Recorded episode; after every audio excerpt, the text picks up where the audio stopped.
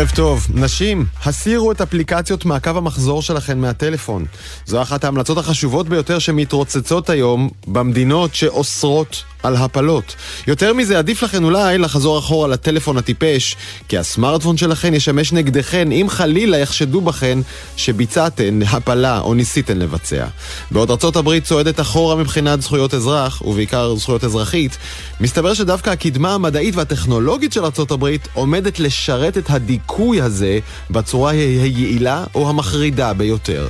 מה תעשה אישה שגילתה שנכנסה להיריון לא מתוכנן ולא רצוי, והיא גרה במדינה הלא נכונה בארצות הברית? מן הסתם, תשלוף אינסטינקטיבית את הסמארטפון ותחפש פתרונות. באותו רגע, היא כבר מסתכנת. החיפוש הזה נרשם בהיסטוריית הגלישה שלה, ועשוי לשמש, עלול לשמש נגדה כראיה, אפילו להסגיר אותה. למעשה, עצם רכישת מקלון בדיקת ההיריון, אם נעשה בכרטיס אשראי, Apple Pay, Google Pay, כבר זה עלול להעלות אותה לרשימת החשודות.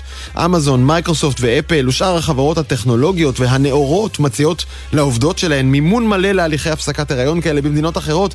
נניח שלא מתערבבים שם שיקולים זרים של אה, עלות מעביד ודברים כאלה, אבל אנשים שבאמת זקוקות לעזרה הזאת, הן בדרך כלל ממעמדות סוציו-אקונומיים שונים לגמרי. מה שכן, אותן חברות בדיוק, שאוספות עלינו מידע בכל נסיעה או בכל רכישה או בכל חיפוש, הן אלה שעלולות להידרש על ידי ממשלת ארצות הברית לספק מידע מפליל על המשתמשות בהן. מה הן יעשו? תכף נשאל את קצין הפרטיות הראשי בגוגל העולמית, מה תעשו כשיבקשו מכם מידע על נשים בהיריון? למעשה, אפשר לצוד נשים בהיריון או כאלה שמתכננות הפלה.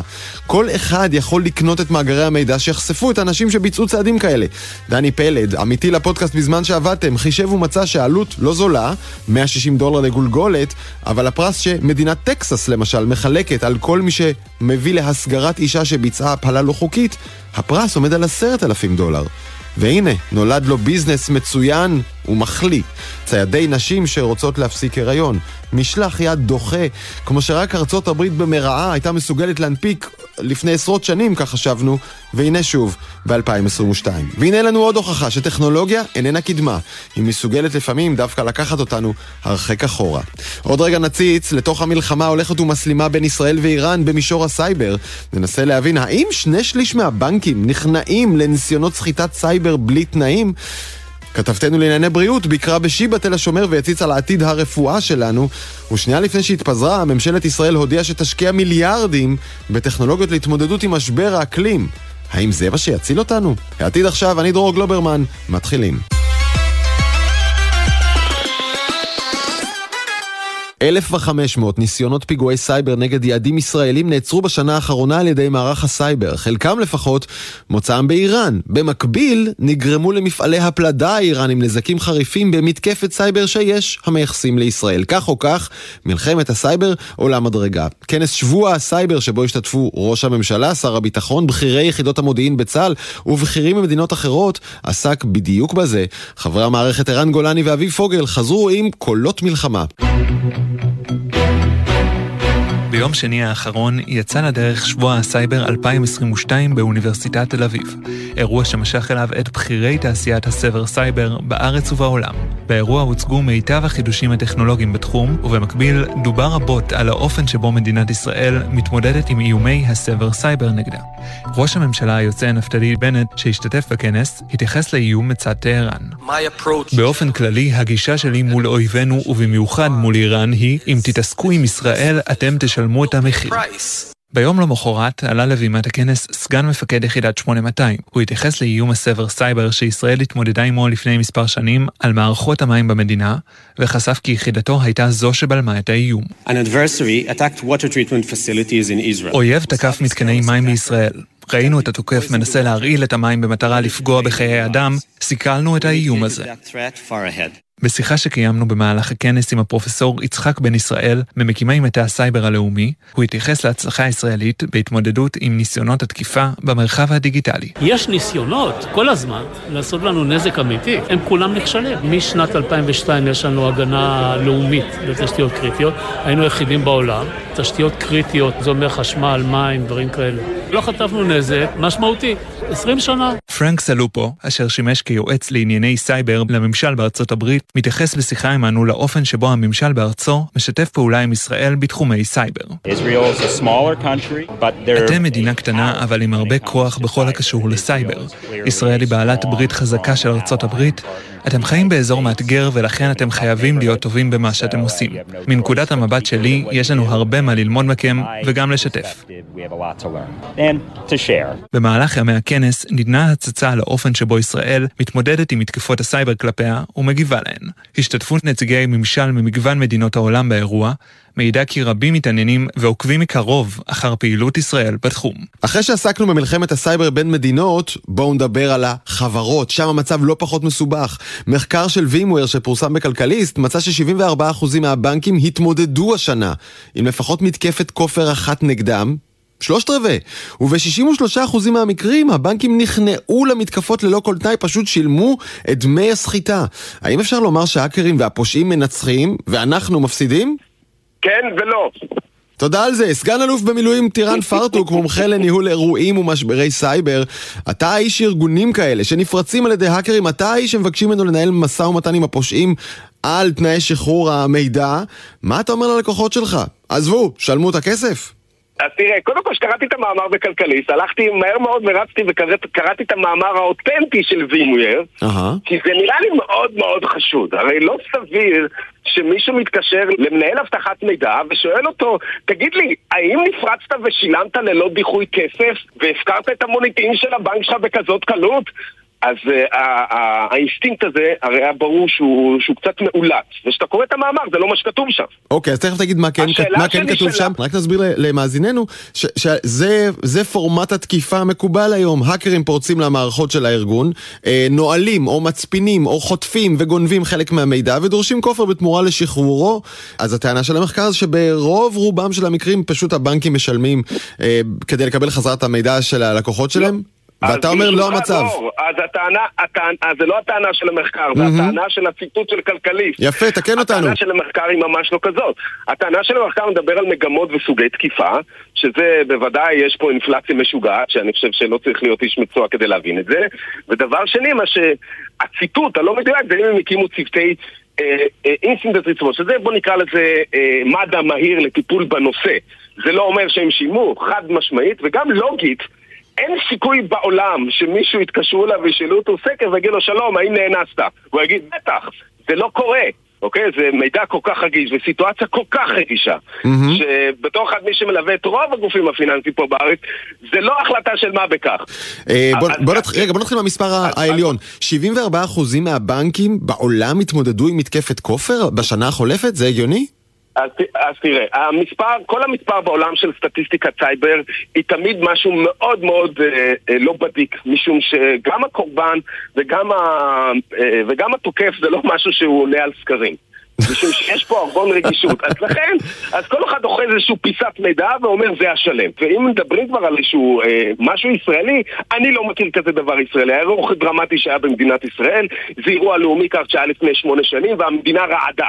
וכמובן שלא שולם, וזה, וזה הסתיים באכיפה שלקוחה מסרטים, אה, מסרטי מתח. האם אתה אה, אה, מסכים איתי, אה, טירן, אה, ולא רק איתי, אלא גם במחקר, שמה שאנחנו רואים על פני השטח, כלומר הפריצות שכן מדווחות בתקשורת ואלה שציטטת עכשיו, זה אפילו לא קצה הקרחון, שרוב הפריצות, גם לארגונים שאנחנו מכירים, גם לארגונים בישראל, אנחנו לא שומעים ולא נדע עליהן. אז תראה, קודם כל רוב הארגונים הגדולים יש להם איזשהו תהליך בקרה ורגולציה שיושבת עליהם. זאת אומרת, זה לא כל כך... הרבה פעמים זה לא כל כך שיקול דעתם לדווח או לא לדווח. אז uh, מה ששומעים לרוב זה קמפיינים איראנים, ולכן הם מגיעים לעיתונים. Mm-hmm. שהם, בוודאי אין שם אלמנט של כסף, משום שאף אחד לא יממן טרור ואף אחד לא יממן דיוק טילים של החיזבאללה בגלל uh, פריצה של מידע. על אף שמותר לו על פי חוק בתנאים מסוימים לשלם, זה לא דבר של מה בכך? אז, אז לכן, מה שאנחנו שומעים לא כל כך מייצג את שיווי המשקל הנכון של אירועי הסייבר בארץ בכלל. אוקיי, אז אתה יודע מה? בוא, בוא נסתכל על זה בשתי, בשתי uh, פריזמות. האחת, uh, מלוח ההזמנות שלך. כמה, כמה עבודה יש לך? אתה יודע מה, כמה יותר עבודה יש לך בשנה החולפת יחסית ללפני חמש שנים? לא, בוודאי שיש פה אינפלציה משוגעת של תקיפות סייבר. Mm-hmm. הרי אה, נכתב כבר שסייבר זה גם מגרש לא רק של criminal, לא רק של פושעים, יש פה גם משחק פוליטי שהוא בא לידי ביטוי בעולם של סייבר. יש פה את המלחמה הבין כושית שהלכה והתעצמה, בין רוסיה ושאר העולם, mm-hmm. יש פה מלחמה מודיעינית עם, ה, עם הסינים, וכמובן שיש אצלנו ספציפית יש אה, טעם אה, איראני מובהק בכל מה שקשור, בנוסף, בנוסף ל, ל, ל, uh, למוטיבציות כסף מובהקות. אז לכן... כלומר, רגע, רגע, פירטת עכשיו, פירטת עכשיו את כל התוקפים הפוטנציאליים ואני מבין שכולם חלים על ישראל. זה יכול להיות פושעים שבאים לגנוב כסף, זה יכול להיות האיראנים שבאים לעשות אה, בלאגן בכלכלה הישראלית, זה יכול להיות אה, הרוסים או הסינים שגם מנסים לגנוב מכאן אינפורמציה, ואולי גם עוד גורמים שאנחנו חושבים שהם יותר ידידותיים, אבל הם... זה גם יכול להיות מפגע בודד, שמצא פרצה ועכשיו, ועכשיו אומר, רגע, איך אני עושה מזה כסף? תראה, זה שוק שכמות התוקפים פה היא מיליונים. כן. זאת אומרת, כמובן שיש את הגופים הגדולים שמבחינתם זה גם מסחרי, mm-hmm. ויש גופי מדועים, מודיעין, בחסות מדינה, כמו הצפון קוריאנים, שמבחינתם זה גם כלי נקמנות וכלי כסף. עכשיו, זה מגרש שכולם נמצאים בו, האכיפה היא כלום. כי קשה מאוד לתפוס, כי מאוד קל לעשות את נשף התחפושות האלו בסייבר. Mm-hmm. יש אמצעי תשלום, יש מודעות תשלום, יש ביטוח, אז יש פה את כל האלמנטים לקרקס. יש ביטוח, אז, אז תשמע, אם אני חוזר לשאלה שממנה התחלנו את השיחה, אה, אפשר להגיד שבמידה מסוימת ההאקרים מנצחים ואנחנו מפסידים, כי המתקפות האלה מתרבות, זה אומר שהן גם משתלמות יותר ויותר כלכלית. ארגונים כבר, אתה יודע, מפתחים מתודות איך להתמודד איתן, אה, בעזרת ביטוח, בעזרת אנשים כמוך, בעזרת... אז כנראה שזה אחלה ביזנס. קודם כל זה אחלה ביזנס, זה נכון, ואני חושב שהסיטואציה היא באי שיווי משקל, עד שהיא תגיע לנקודת השיווי משקל החדשה שלה. אתה יודע, אבל אולי נחזור לדבר שבאמת פתחנו איתו את השיחה, וזה הנתונים הללו.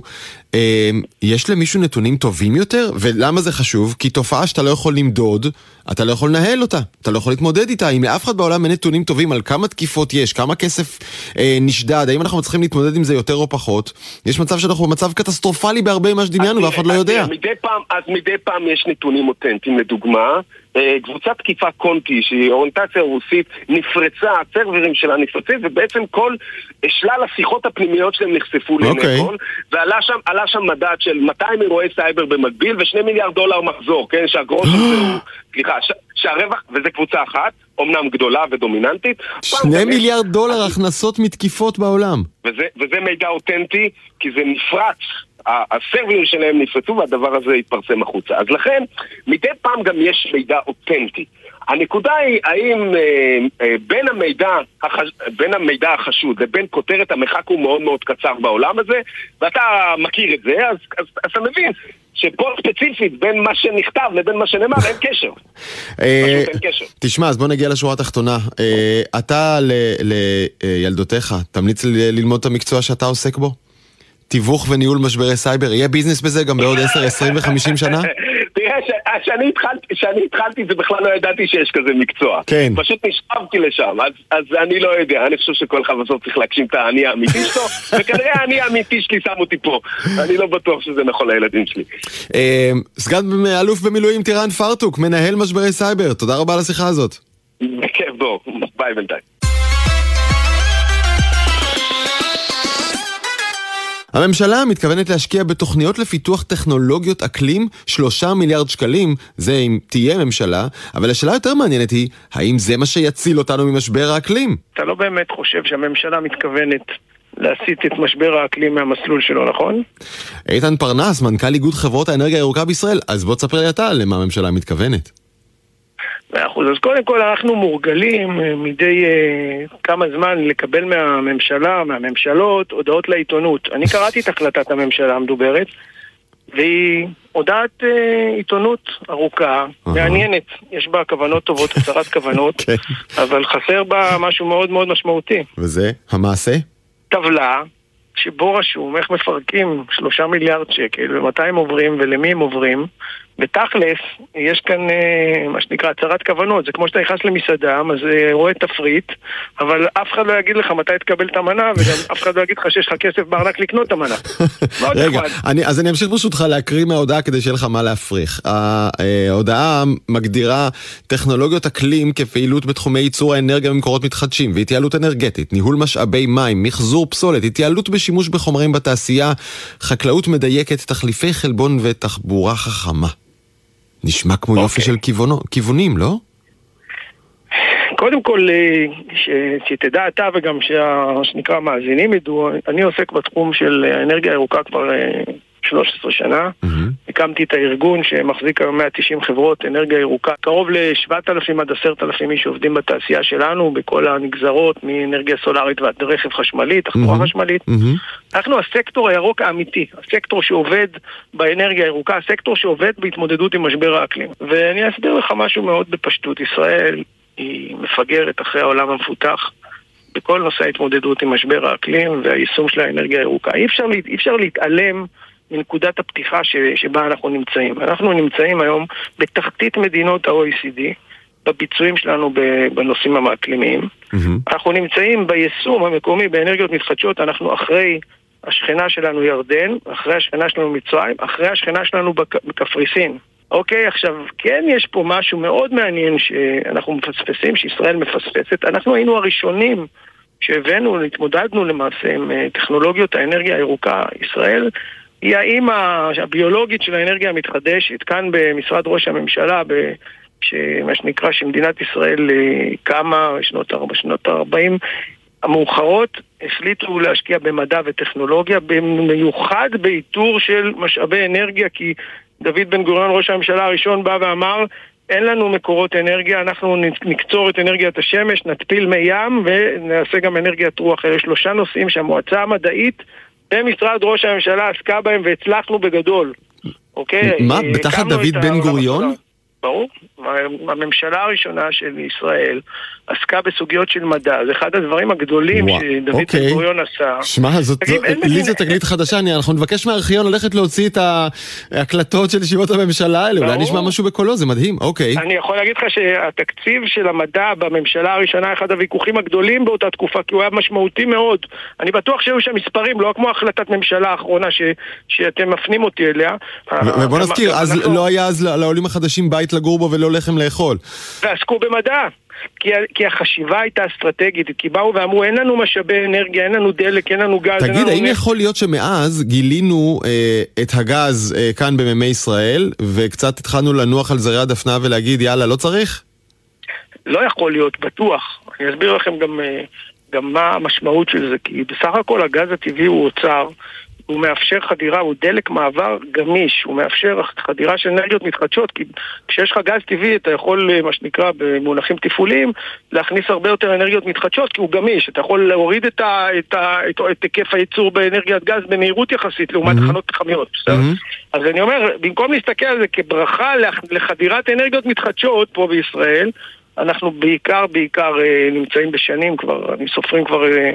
כלומר... לא נעים להגיד, אבל uh, עוד מעט עשור של בלבול בעולם הזה של הגז. כלומר, אתה אומר, במקום לראות, את, במקום לראות בגז אה, ברכה ואמצעי לה, להקל על המעבר לאנרגיות ירוקות, אנחנו ראינו בו לא אמצעי אלא המטרה, ואנחנו הכל. נשענים עליו אה, לטובת חוסר מעש.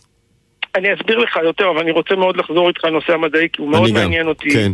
אבל אני רק אגיד לזה בקצרה, שלמשרד האוצר, שמחליט את רוב ההחלטות במשק האנרגיה, כשיש לו את גז טבעי בארסנל, במקרר יש לך מספיק אוכל, אז אתה לא מקבל החלטות אה, מתוך אה, רצון לשנות דברים, אלא אתה אומר, אוקיי, מקסימום לא יהיה אנרגיות מתחדשות, נשרוף גז טבעי. מדהים. זו הדרך שבה, שבה הכל מתנהל, אבל בוא נחזור רגע למדע, זה הנקודות הכי מעניינות, כי... כן, רק, אתה יודע מה, רק, רק, תרשה לי, רק תרשה לי לעשות את ההקבלה המתבקשת אה, למדינות הנפט שסביבנו, אה, בעולם הערבי, שמרוב נפט ומרוב היכולת שלהם לשלם, אה, אה, אה, לשלם אה, מיסים ל, לאזרחים, הרי המיסים שם עובדים הפוך, משלמים מיסים לאזרחים כדי שישבו בבית, אז המדינה עצמה לא התפתחה, אה, וראינו את זה בהרבה מאוד מדינות. אז לפעמים יותר מדי עושר ומשאבים זו קללה. בטוח, יש מחלות, וגם מחלה הולנדית. לדעתי ידברו גם על המחלה הישראלית, מה קרה לנו שמצאנו גז טבעי, כי המדינה הזאת מדהימה. שתבין שאני הקמתי את הארגון שלי אחרי שפגשתי את צבי תבור, אבי דוד השמש הישראלי, mm-hmm. ואחרי, זה, ואחרי זה הכרתי את יהודה ברוניצקי שהמציא תורמת, תעשיית נכון. תורמת, התעשייה הגיאותרמית. יש לנו פה, וסולארג', החברה הכי גדולה בנסדק היום, הישראלית היא סולארג' שיודעת לנצל בצורה הכי מיטבית את האנרגיה הפוטו-וולטאית שמגיעה מהשמש. כלומר, כן, הנה עוד זירה שבה ישראל מובילה את העולם בפיתוח טכנולוגיות ומדשדשת אחרי שהעולם בשימוש בטכנולוגיות האלה לטובת המשק שלה עצמה.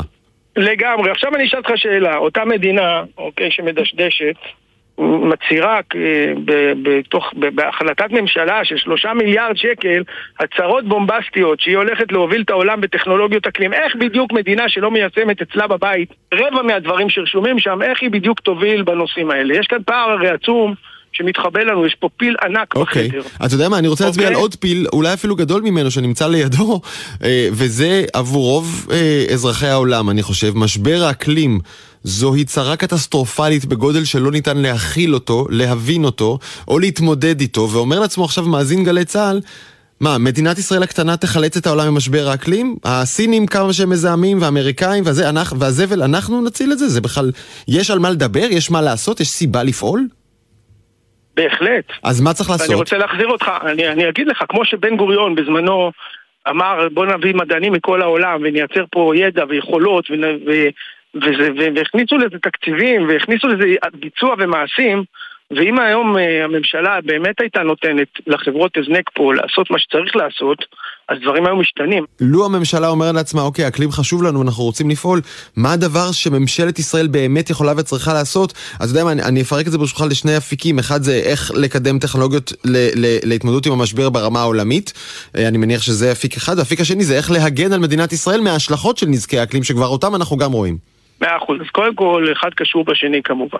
אז ככלל, אם אה, ישראל רוצה לפתח טכנולוגיות אקלים, היא צריכה לאפשר לחברות ההזנק פה ליישם, כי אם הם לא יוכלו ליישם, ואם הם לא יוכלו להראות איך זה קורה באמת בבית, הרי זה, הם לא יכלו לעשות את זה בשום מקום בעולם. זה האמת, וזו האמת הקשה. ואנחנו מדברים על זה שהיום חברות הזנק ישראליות בתחום האקלים לא יכולות ליישם פיילוטים להדגמה בארץ שלהם. רוצה לומר שמה, שהתוכניות, הצעדים ברורים והנה מה שצריך לעשות, או, ש, או שבהיעדר יכולת שלטונית אה, אנחנו בכלל רחוקים מלגבש הסכמות על, מה צריך, על, על כיצד לקדם את הנושא? לא, תראו, לקדם את הנושא הדברים ברורים. יש פה סקטור של של, של חדשנות, אי אפשר להתווכח עם זה, לא בזכות אה, דברים שהממשלה עושה, יש פה אנשים מבריקים, ולכן לשאלה שלך האם אפשר או לא, בהחלט אפשר לשנות ולהתמודד עם משבר האקלים, בהחלט אפשר להציג טכנולוגיות חדשניות ישראליות לעולם. מה שמפריע לנו כאן זה שהממשלה יוצאת עם החלטות ממשלה בלי שיניים. שבפועל הן גם סותרות את המציאות הקיימת, זאת אומרת בפועל לא נותנים לנו אפילו לנסות כאן טכנולוגיות חדשניות. איתן פרנס, מנכ"ל איגוד חברות האנרגיה הירוקה, יש להודות שבאתי קצת אופטימי לשיחה ויצאתי אה, יותר פסימי, יותר פסימי מפסימי.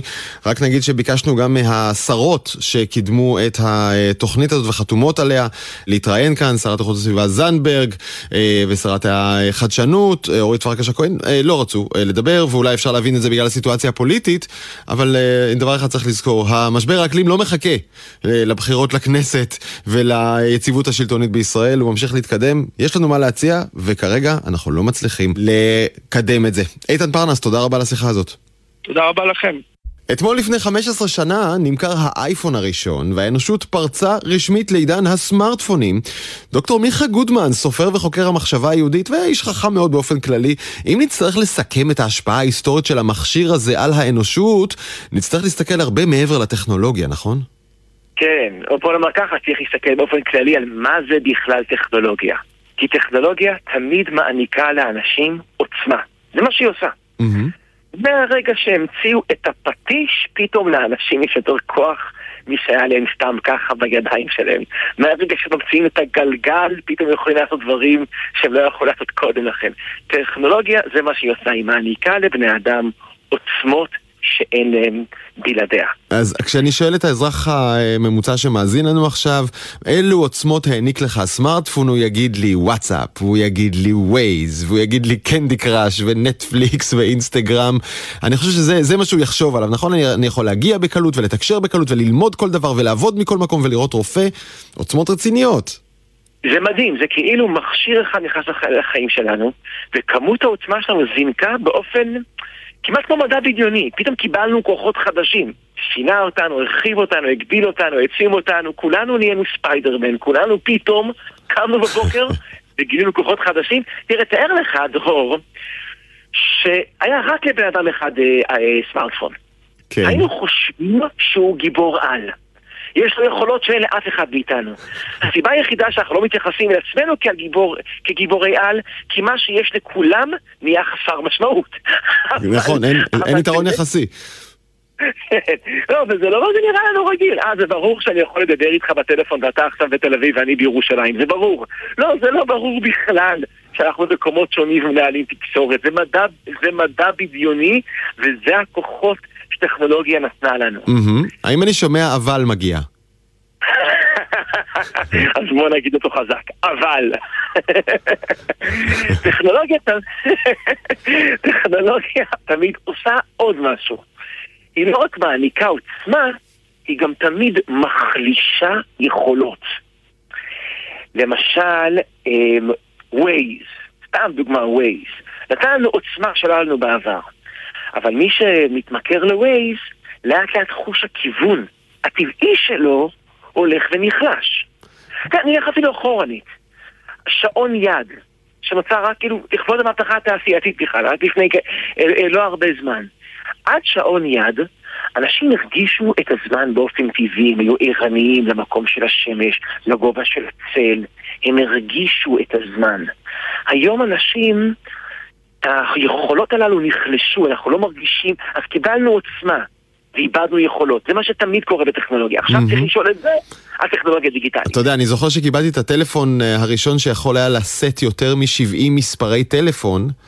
אה, ומיד, ממש מיד הרגשתי איך כל שאר 600 המספרים שפשוט זכרתי בראש, התפיידו לי מהמחשבה, התפיידו לי מהזיכרון. כן, זו דוגמה טובה, קיבלת עוצמה. ומשהו נכנס לעצמך, משהו ספציפי יכול להיזכר. אז, אז אם אנחנו מתארים עוצמה כל כך גדולה שנכנסה לחיים שלנו בחסות הסמארטפון, היכולות שאיבדנו הן היסטריות? כן, כן, כן, כן. למשל, היכולת לחוש אמפתיה. אמפתיה זה היכולת שלי להרגיש משהו שמישהו אחר מרגיש. נניח, אנשים עם EQ מאוד גבוה, עם אינטליגנציה רגשית מאוד גבוהה, שיכולים להרגיש אנשים אחרים, איך הם עושים את זה. יש לי למשל חבר מאוד אמפתי, אז ככה, פעם ניגשתי אליו, הוא אמר לי, מיכה, אתה כועס? אז אמרתי, לא, אני לא כועס, שיקרתי. שאלתי, למה אתה כועס? אני כועס? אז הוא אומר לי ככה, אני מרגיש בתוכי כעס, אבל זה לא שלי, נראה לי שזה שלך.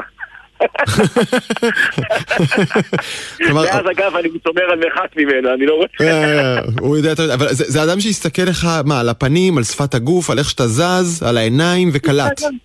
הוא קלט, המוח שלו איבד הרבה הרבה נתונים בעת עוונה אחת, והוא חווה בתוכו כעס, והוא ידע שזה שלי. עכשיו, זה אחד מהגדרות לפחות של אמפתיה, זה להרגיש משהו שמישהו אחר מרגיש.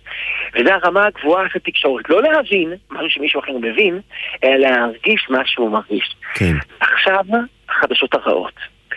אה, שרי טירקס, אחת החוקרות החשובות בעולם של ההשפעה של מסכים על מי שמשתמש בהם יותר מדי, מתארת נפילה של 40 אחוז בכמות האמפתיה של בני אדם. מסתבר שיש מבחן האמפתיה, אפשר לבדוק את כמות האמפתיה, ויש היום גירעון אמפתיה גדול בעולם. אה, היא מסבירה את זה ככה.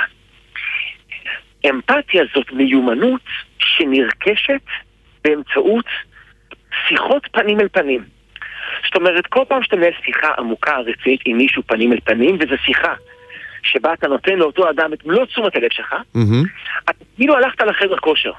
כאילו הרמת משקולת, חיזקת את השריר ששמו אמפתיה. וכשמתכתבים בוואטסאפ, הדבר הזה פשוט איננו פועל. אנחנו לא הולכים לחדר כושר יותר. אנחנו לא מאמנים את השריר הזה יותר. השריר הזה מתנוון. אז תראה איזה קטע, דרור. אם זה נכון שהטכנולוגיה מחלישה את המיומנות ששמה אמפתיה, אז תראה איזה קטע. אנחנו מצד אחד מנהלים הרבה יותר תקשורת מאי פעם. מצד שני אנחנו מאבדים את היכולת להיקשר לאנשים אחרים. יותר תקשורת ופחות קשר, יש יותר כמות של תקשורת ופחות איכות רגשית של תקשורת. עכשיו זאת עסקת חליפין מעניינת. קיבלנו עוצמה ואיבדנו מיומנות. יותר תקשורת ופחות קשר, אגב, אני רואה את זה במגוון רחב של מחקרים על עליית הבדידות בכל הגילאים, בכל המדינות, בכל מקום. ילדים בבית הספר מדווחים על בדידות, תחושת בדידות בשיעורים מדהימים. אה, זה הסמארטפון. זה הסמארטפון, קיבלנו עוצמה, אבל איבדנו משהו.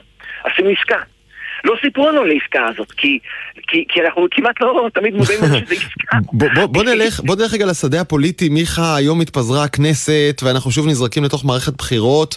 אה, מערכת בחירות בעידן של סמארטפונים לא נראית אותו דבר כמו בעידן ללא בחירות, ללא סמארטפונים, סליחה, ואולי יותר חשוב, המדינה בעידן, בעידן הסמארטפונים השתנתה לחלוטין. כן, עכשיו, אנשים חושבים שישראל היא בצרות. מערכת בחירות חמישית, והמומחים, העמית סגל עם השנים חוזים שמה יהיו התוצאות של מערכת בחירות חמישית? מערכת בחירות שישית. אז אנחנו מרגישים מתוסכלים ומיואשים וחושבים שזה בעיה ישראלית. לא תמיד יודעים לך, יודעים שגם צרפת במשבר פוליטי מטורף, והולנד במשבר פוליטי, והאמריקאים, שאלוהים ירחם על אמריקאים, הם בתוך משבר פוליטי ומשותקים פוליטית. אז אתה שואל, רגע, זו לא תופעה ישראלית, זו תופעה גלובלית, זו תופעה עולמית, וכן, תראה מה קרה לפני 15 שנה. כן, לא הייתי יודע את זה אגב ללא השיחת טלפון הזאת, רוב. לפני 15 שנה, מכשיר קטן נכנס לחיים שלנו, והוא משנה את הפסיכולוגיה שלנו, והוא משנה גם את הפוליטיקה שלנו. הפוליטיקה העולמית כולה משתנתה. למה? כי המכשיר הזה לא רק מהנדס מחדש את הרגשות שלנו, כפי שאמרנו קודם לכן. הוא גם מעצב מחדש את דיאטת האינפורמציה שלנו. זאת אומרת, העובדות שאני יודע על העולם מגיעות לי פתאום מהמכשיר שבכיס שלי. עכשיו, המכשיר אבל הוא לא הכלי שבאמצעותו אני שואב ידיעות. הכלי הזה מחליט איזה ידיעות אני נחשף אליהן. בגלל שהכלי הזה הוא, אה, הוא פעיל, הוא חי, זה לא כמו אופניים שאני רוכב עליהם. אלא זה כמו אה, אופניים שרוכבים עליי באיזשהו מובן. האלגוריתמים של טוויטר או של פייסבוק, או גם של אתרי חדשות, שדרכם אנשים צורכים את ידיעותיהם על העולם, האלגוריתמים האלה פעילים, והם בוחרים למה לחשוף אותך לפי האינטרסים הכלכליים שלהם. זה לאו דווקא משקף תמונת אמת של העולם, אפילו לאו דווקא אה, משגר לך אמיתות, שיש שם הרבה מאוד שקרים ומניפולציות. תאר לך שתעשיית המזון תחליט איזה מזון יהיה לך על הצלחת. היא פשוט, אתה קם כל בוקר והצלחת שלך מתמלאת במזון. עכשיו, אז תעשיית המזון תחליט מה, דיאטה, מה, מה המזון שלך. אז זה קצת מוזר, אבל זה בדיוק מה שקוראים עם האינפורמציה שלנו. תעשיית, תעשיות האינפורמציה, תעשיות תשומת הלב, פייסבוק, הזכרת אותם, גוגל, פייסבוק, טוויטר, הן אלה שמחליטות מה, דיאטה, מה, מה הידע שאני יודע. עכשיו, הם לא מעניקים לי ידע מזין בהכרח, כי הם מעניקים לי רק ידע מסוג אחד. ידע ששואב את תשומת הלב שלי, שמדביק את העיניים שלי למסך שבכיס שלי כבר 15 שנה. למה? כי ככל שהעיניים שלי יותר מוצמדות למסך, כך הם לוקחים את האייבולס שלי, את העיניים שלי, תשומת לב שלי, ומוכרים אותם לפרסמים בשביל כסף, הם סוחרי תשומת לב, זה כל מה שהם עושים, זה הביזנס שלהם. תחשוב מה זה עולם שלם, אל, לא יודע עולם שלם, אבל חלקים ניכרים מהעולם, שיש להם ביד סמארטפון, פתאום לכולם יש דיאטות אינפורמציה לא בריאות. והתוצאה היא שהדמוקרטיה היא לא בריאה. תשמע, אה, דוקטור גודמן, נראה לי שאנחנו נצטרך לקבוע לנו עוד שיחה כאן, כדי אולי להתמקד באמת במערכת הפוליטית, כיצד היא הולכת להיראות ואיך היא משפיעה בעידן הסמארטפון על הרגשות שלנו כלפי הפוליטיקה וכלפי המדינה ואחד כלפי השני. ואולי אפילו כן. נחפש את אמצעים להתמודד. יום הולדת שמח ועצוב לסמארטפון, אנחנו חוגגים ביחד. אה, כבה את הנרות, מיכה, כבה את הנרות. אני בוא, בוא, כן, בוא נכבה את הנרות, ואולי זו הזדמנות להגיד למאזינים שבמערכת בחירות הקרובה, אולי אפשר לרכוש פחות אינפורמציה מהסמארטפון ויותר אינפורמציה סתם מהאנשים שלידכם. זה יכול להיות יותר אמין. זה פשוט יותר אמין. כן. אה, ועם יותר אמפתיה. תודה רבה, דוקטור מיכה גודמן. תודה לך, דרור.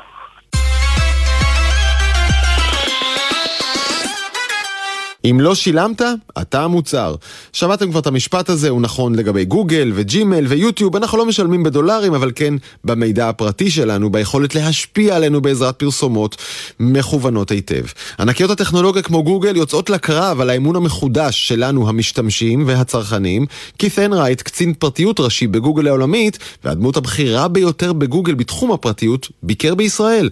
כתבתנו עומר עזרן פגשה אותו במשרדי החברה. הנה הכתבה. לצד חברות טכנולוגיות נוספות, גוגל הפכה בשנים האחרונות לשם נרדף לאובדן פרטיות מוחלט.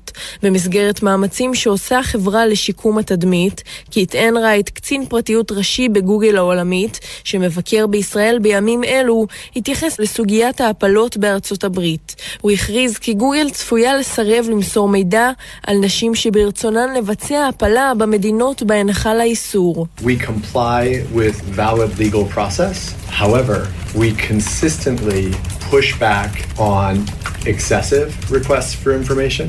אנחנו נדרשים לציית להליכים החוקיים, אמר קיט והוסיף. עם זאת, אנחנו דוחים בקשות מוגזמות למידע כדי לוודא שהממשלה לא מגזימה בדרישותיה. הוא הביא לדוגמה את תקופת הקורונה, אז ממשלות ביקשו שגוגל תשתף את מיקום המשתמשים, בקשות שמרביתן נדחו.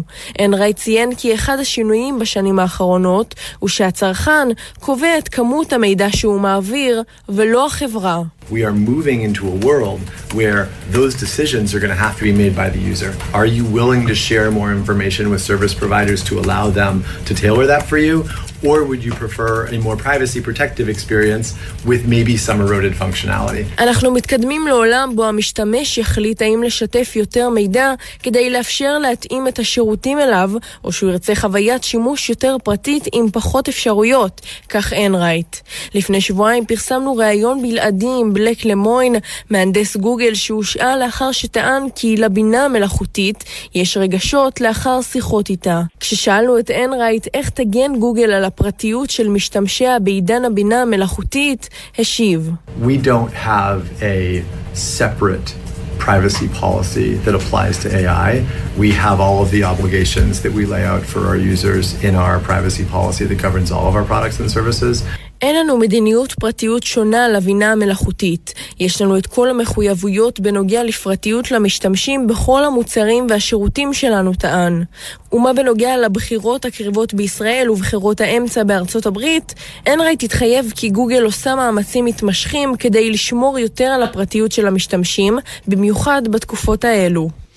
ואיתנו ויקי אוסלנדר, כתבת טכנולוגיה בכלכליסט. ויקי, מאמינה לו? אני מאמינה לכל הכותרות הגדולות שהוא אה, משחרר, אבל אה, תוכן גדול אין מאחורי זה. אוקיי.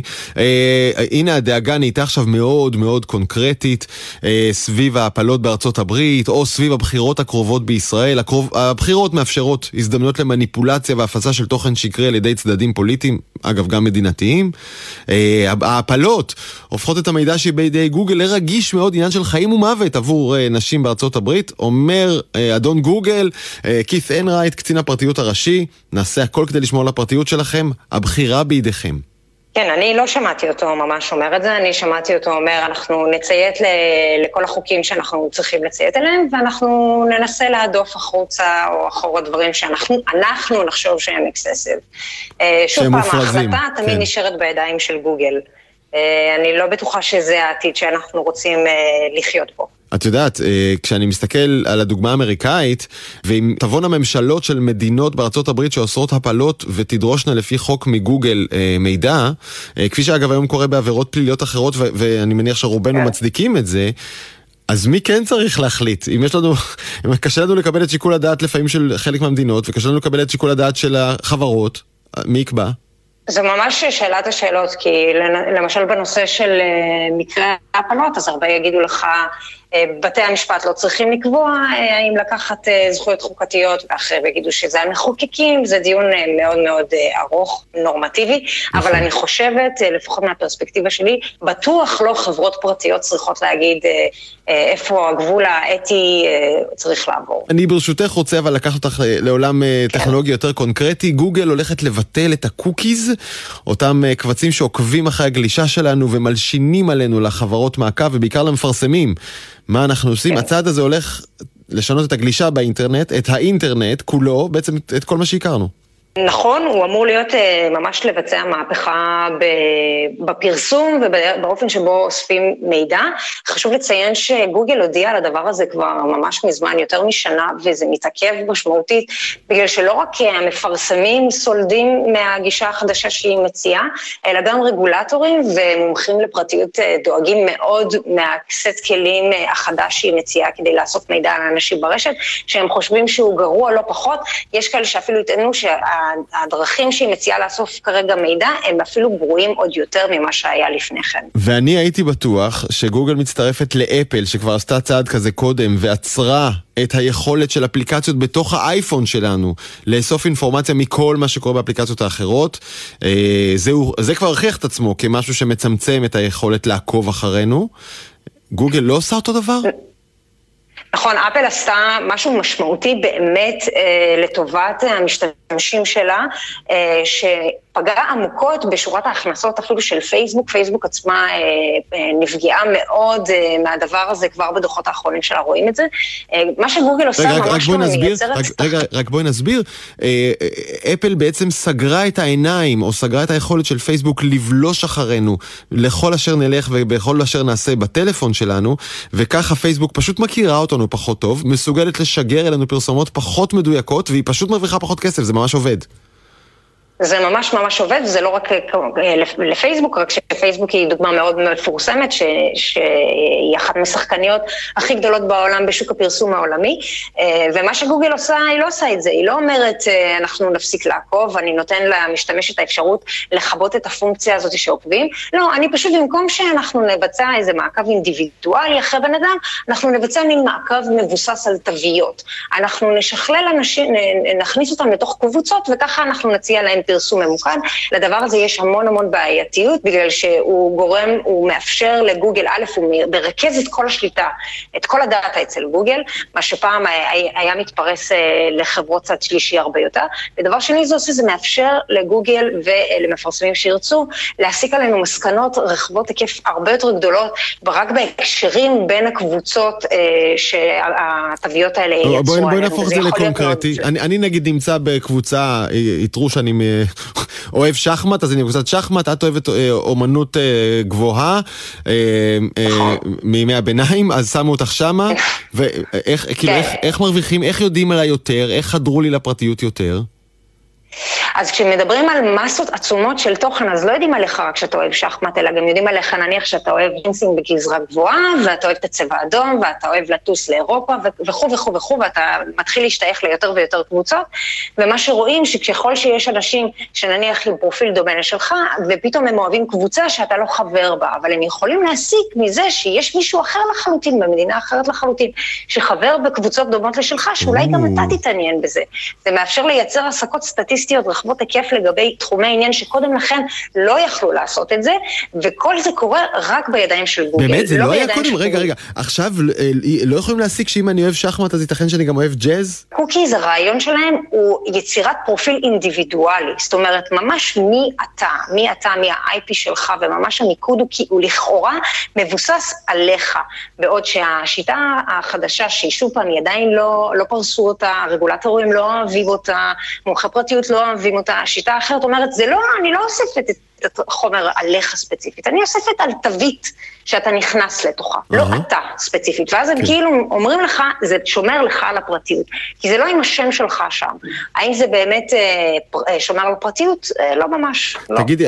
לסיום, יכול להיות שהאופציה שצריכה להינתן לנו על ידי גוגלים ומטא ופייסבוק ואינסטגרם ויוטיוב וכל אלה, הם פשוט צריכים לתת לנו את האופציה, אולי בחובה חוקית, לשלם. במקום שיאספו לנו מידע. כן, תנו לי לשלם על החיפוש בגוגל, ועל התא ג'ימל שלי, ועל כל כניסה ליוטיוב, וכל כניסה לפייסבוק. אני מוכן לשלם דולר, שניים, חמישה, רק תפסיקו לאסוף עליי מידע ולמכור אותי למפרסמים.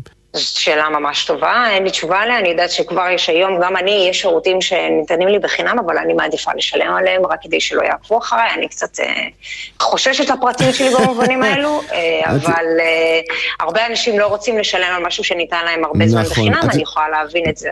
רק מעט אנשים יסכימו לשלם בהתנדבות אם אפשר בחינם, אנחנו עדיין מעריכים, לצערי אולי, כסף יותר מאשר פרטיות.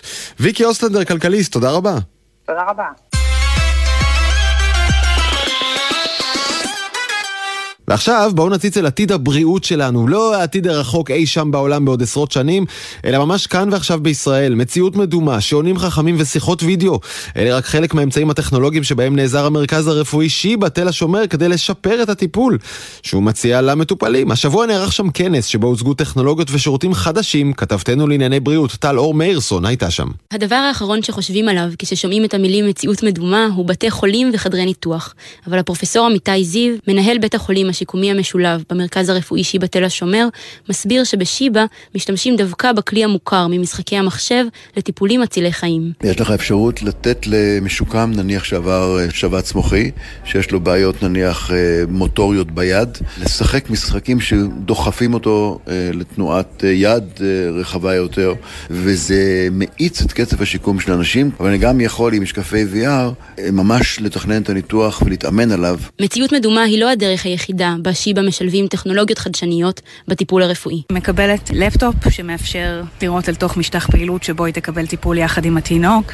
היא מקבלת uh, שעון חכם שמנטר את המדדים שלה ומסביר לנו מה שאנחנו צריכים כדי לראות השפעה של תרופות שונות שיכולה להיות. מנטרת את השינה שלה וקלמר uh, תרופות חכם שעוזר לזכור מתי צריך לקחת תרופה ולא לפספס. יש בעצם מוקד אחיות שזמין להם 24/7. זוהי הדוקטור מאיה שפר, פסיכיאטרית במרפאת חווה לבריאות הנפש של האישה בשיבא. היא מספרת על שירות חדש שנפתח בימים אלו, אשפוז בית פסיכיאטרי מקוון לנשים בהיריון ואחרי לידה. באשפוז הזה אה, נשים יוכלו להישאר בבית, בסביבה הביתית שלהם, ובלי הפרדה מהתינוק, להמשיך אה, בשגרת היומיום שלהם עד כמה שניתן, להיות עטופות בקהילה ובמשפחה שלהם, ולקבל את אותו טיפול שהיו מקבלות באשפוז פסיכיאטרי, שיכול לפעמים להיות מאוד טראומטי, אל הבית שלהם. הדוקטור גליה ברקאי מנהלת את בית החולים הווירטואלי שיבא ביונד. היא מסבירה על החשיבות של רפואה מרחוק דווקא בתקופה זו. זה בא לענות על הרבה מאוד צרכים, הזדקנות האוכלוסייה, גדילת האוכלוסייה החולה במחלות כרוניות וחסר המקום בבתי חולים בארץ בכלל.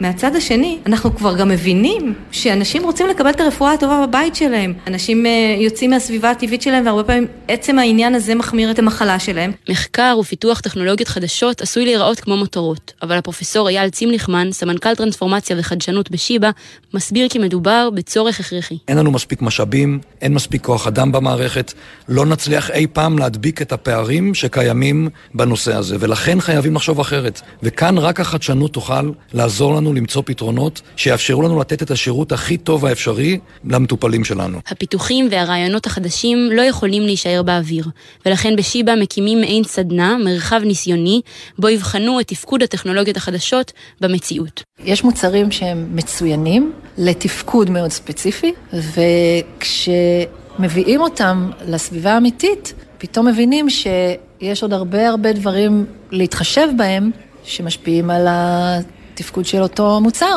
יעל לנצט מנהלת את המיזם שנקרא מתחם המחר ומסבירה כיצד יצא לפועל. את ממש נכנסת לחדר הזה וחווה את העתיד במובן של זה אוסף מוצרים שעוד לא קיימים, והנה פעם ראשונה תרגישי איך הם מדברים ביחד. ננסה משהו, משהו לא יעבוד, נצא רגע הצידה לשולחן השרטוטי, נשנה משהו, נחזיר חזרה, וניכנס עוד פעם להרגיש איך זה. מעבר להטמעת פיתוחים חדשים באשפוז ובטיפול, בשיבא מתכננים להקים בשנים הקרובות עמק טכנולוגיית הבריאות, HealthTech Valley, בו יציעו חברות הייטק בינלאומיות ומרכזים אקדמיים משרדים, במטרה ליצור שיתופי פעולה, לפתח ולקדם את הטכנולוגיות הבאות שישנו את עולם הרפואה.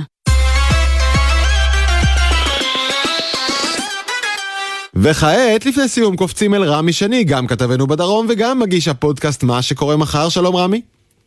אהלן דרור ושלום למאזינים, בואו נראה מה שקורה מחר.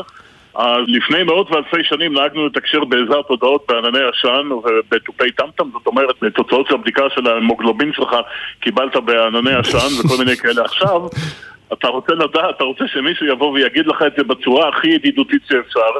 ואיך עושים את זה? כמובן בצורת סרטון וידאו, אבל אתה יודע, עד שאתה מפיק סרטון כזה אתה צריך להפעיל חברת הפקה וכל מיני כאלה.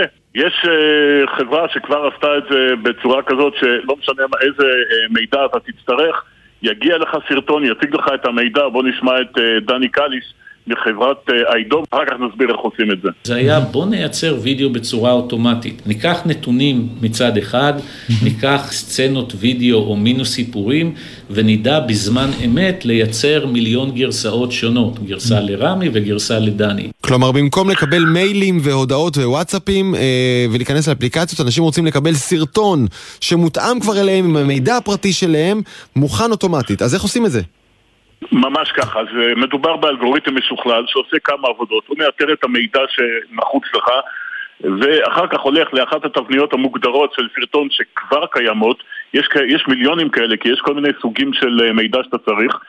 הוא מחבר את הכל ביחד ויוצר לך סרטון אישי. אבל העיקר שזה יקרה, זה קורה אוטומטית בתוך שניות, אף אחד לא עושה את זה קורה, בידיים. זה קורה, נכון, זה קורה אוטומטית, האלגוריתם הזה מייצר את זה בתוך שניות, מביא לך את הסרטון ישר אליך ואתה יודע, אתה רואה את זה מול ה, ממש מול העיניים שלך. אגב, אתה גם יכול לבחור את השפה שבה הוא ידבר, האם זה יהיה אה, שפה של הרחוב או בעברית של שבת. מה שאתה בוחר, כל זה בפרק 214 של ההסכת, מה שקורה מחר. אני רוצה שתבוא הרופאה ותגיד לי, אח שלי, הכל סבבה, תקדם. כן? כזה. כן, אתה יודע... זה אה, ככה אני רגיל לנהל תקשורת עם הרופאה שלי. אה, מירי פסקל, מירי פסקל, מירי רגב, תבחר איזה מירי שאתה רוצה. בחרת את האהובות עליי. רמי שני, כתבנו בדרום ומגיש הפודקאסט מה שקורה מחר, זה אצלך בפרק החדש, פרק 214. עד כאן העתיד עכשיו, ערך ערן גולני, הפיקו תומר ברקאי ואביב פוגל על הביצוע הטכני, אור מטלון וניב ירוקר, אני, דרור גלוברמן, אתם מוזמנים לשמוע אותנו מתי ואיך שבא לכם, בכל פלטפורמות הפודקאסטים המקובלות, אפל פודקאסט, ספוטיפיי וכל אלה. אני זמין לכם להערות והצעות בדרור גלוברמן, באינסטגרם או בטוויטר. יאללה ביי.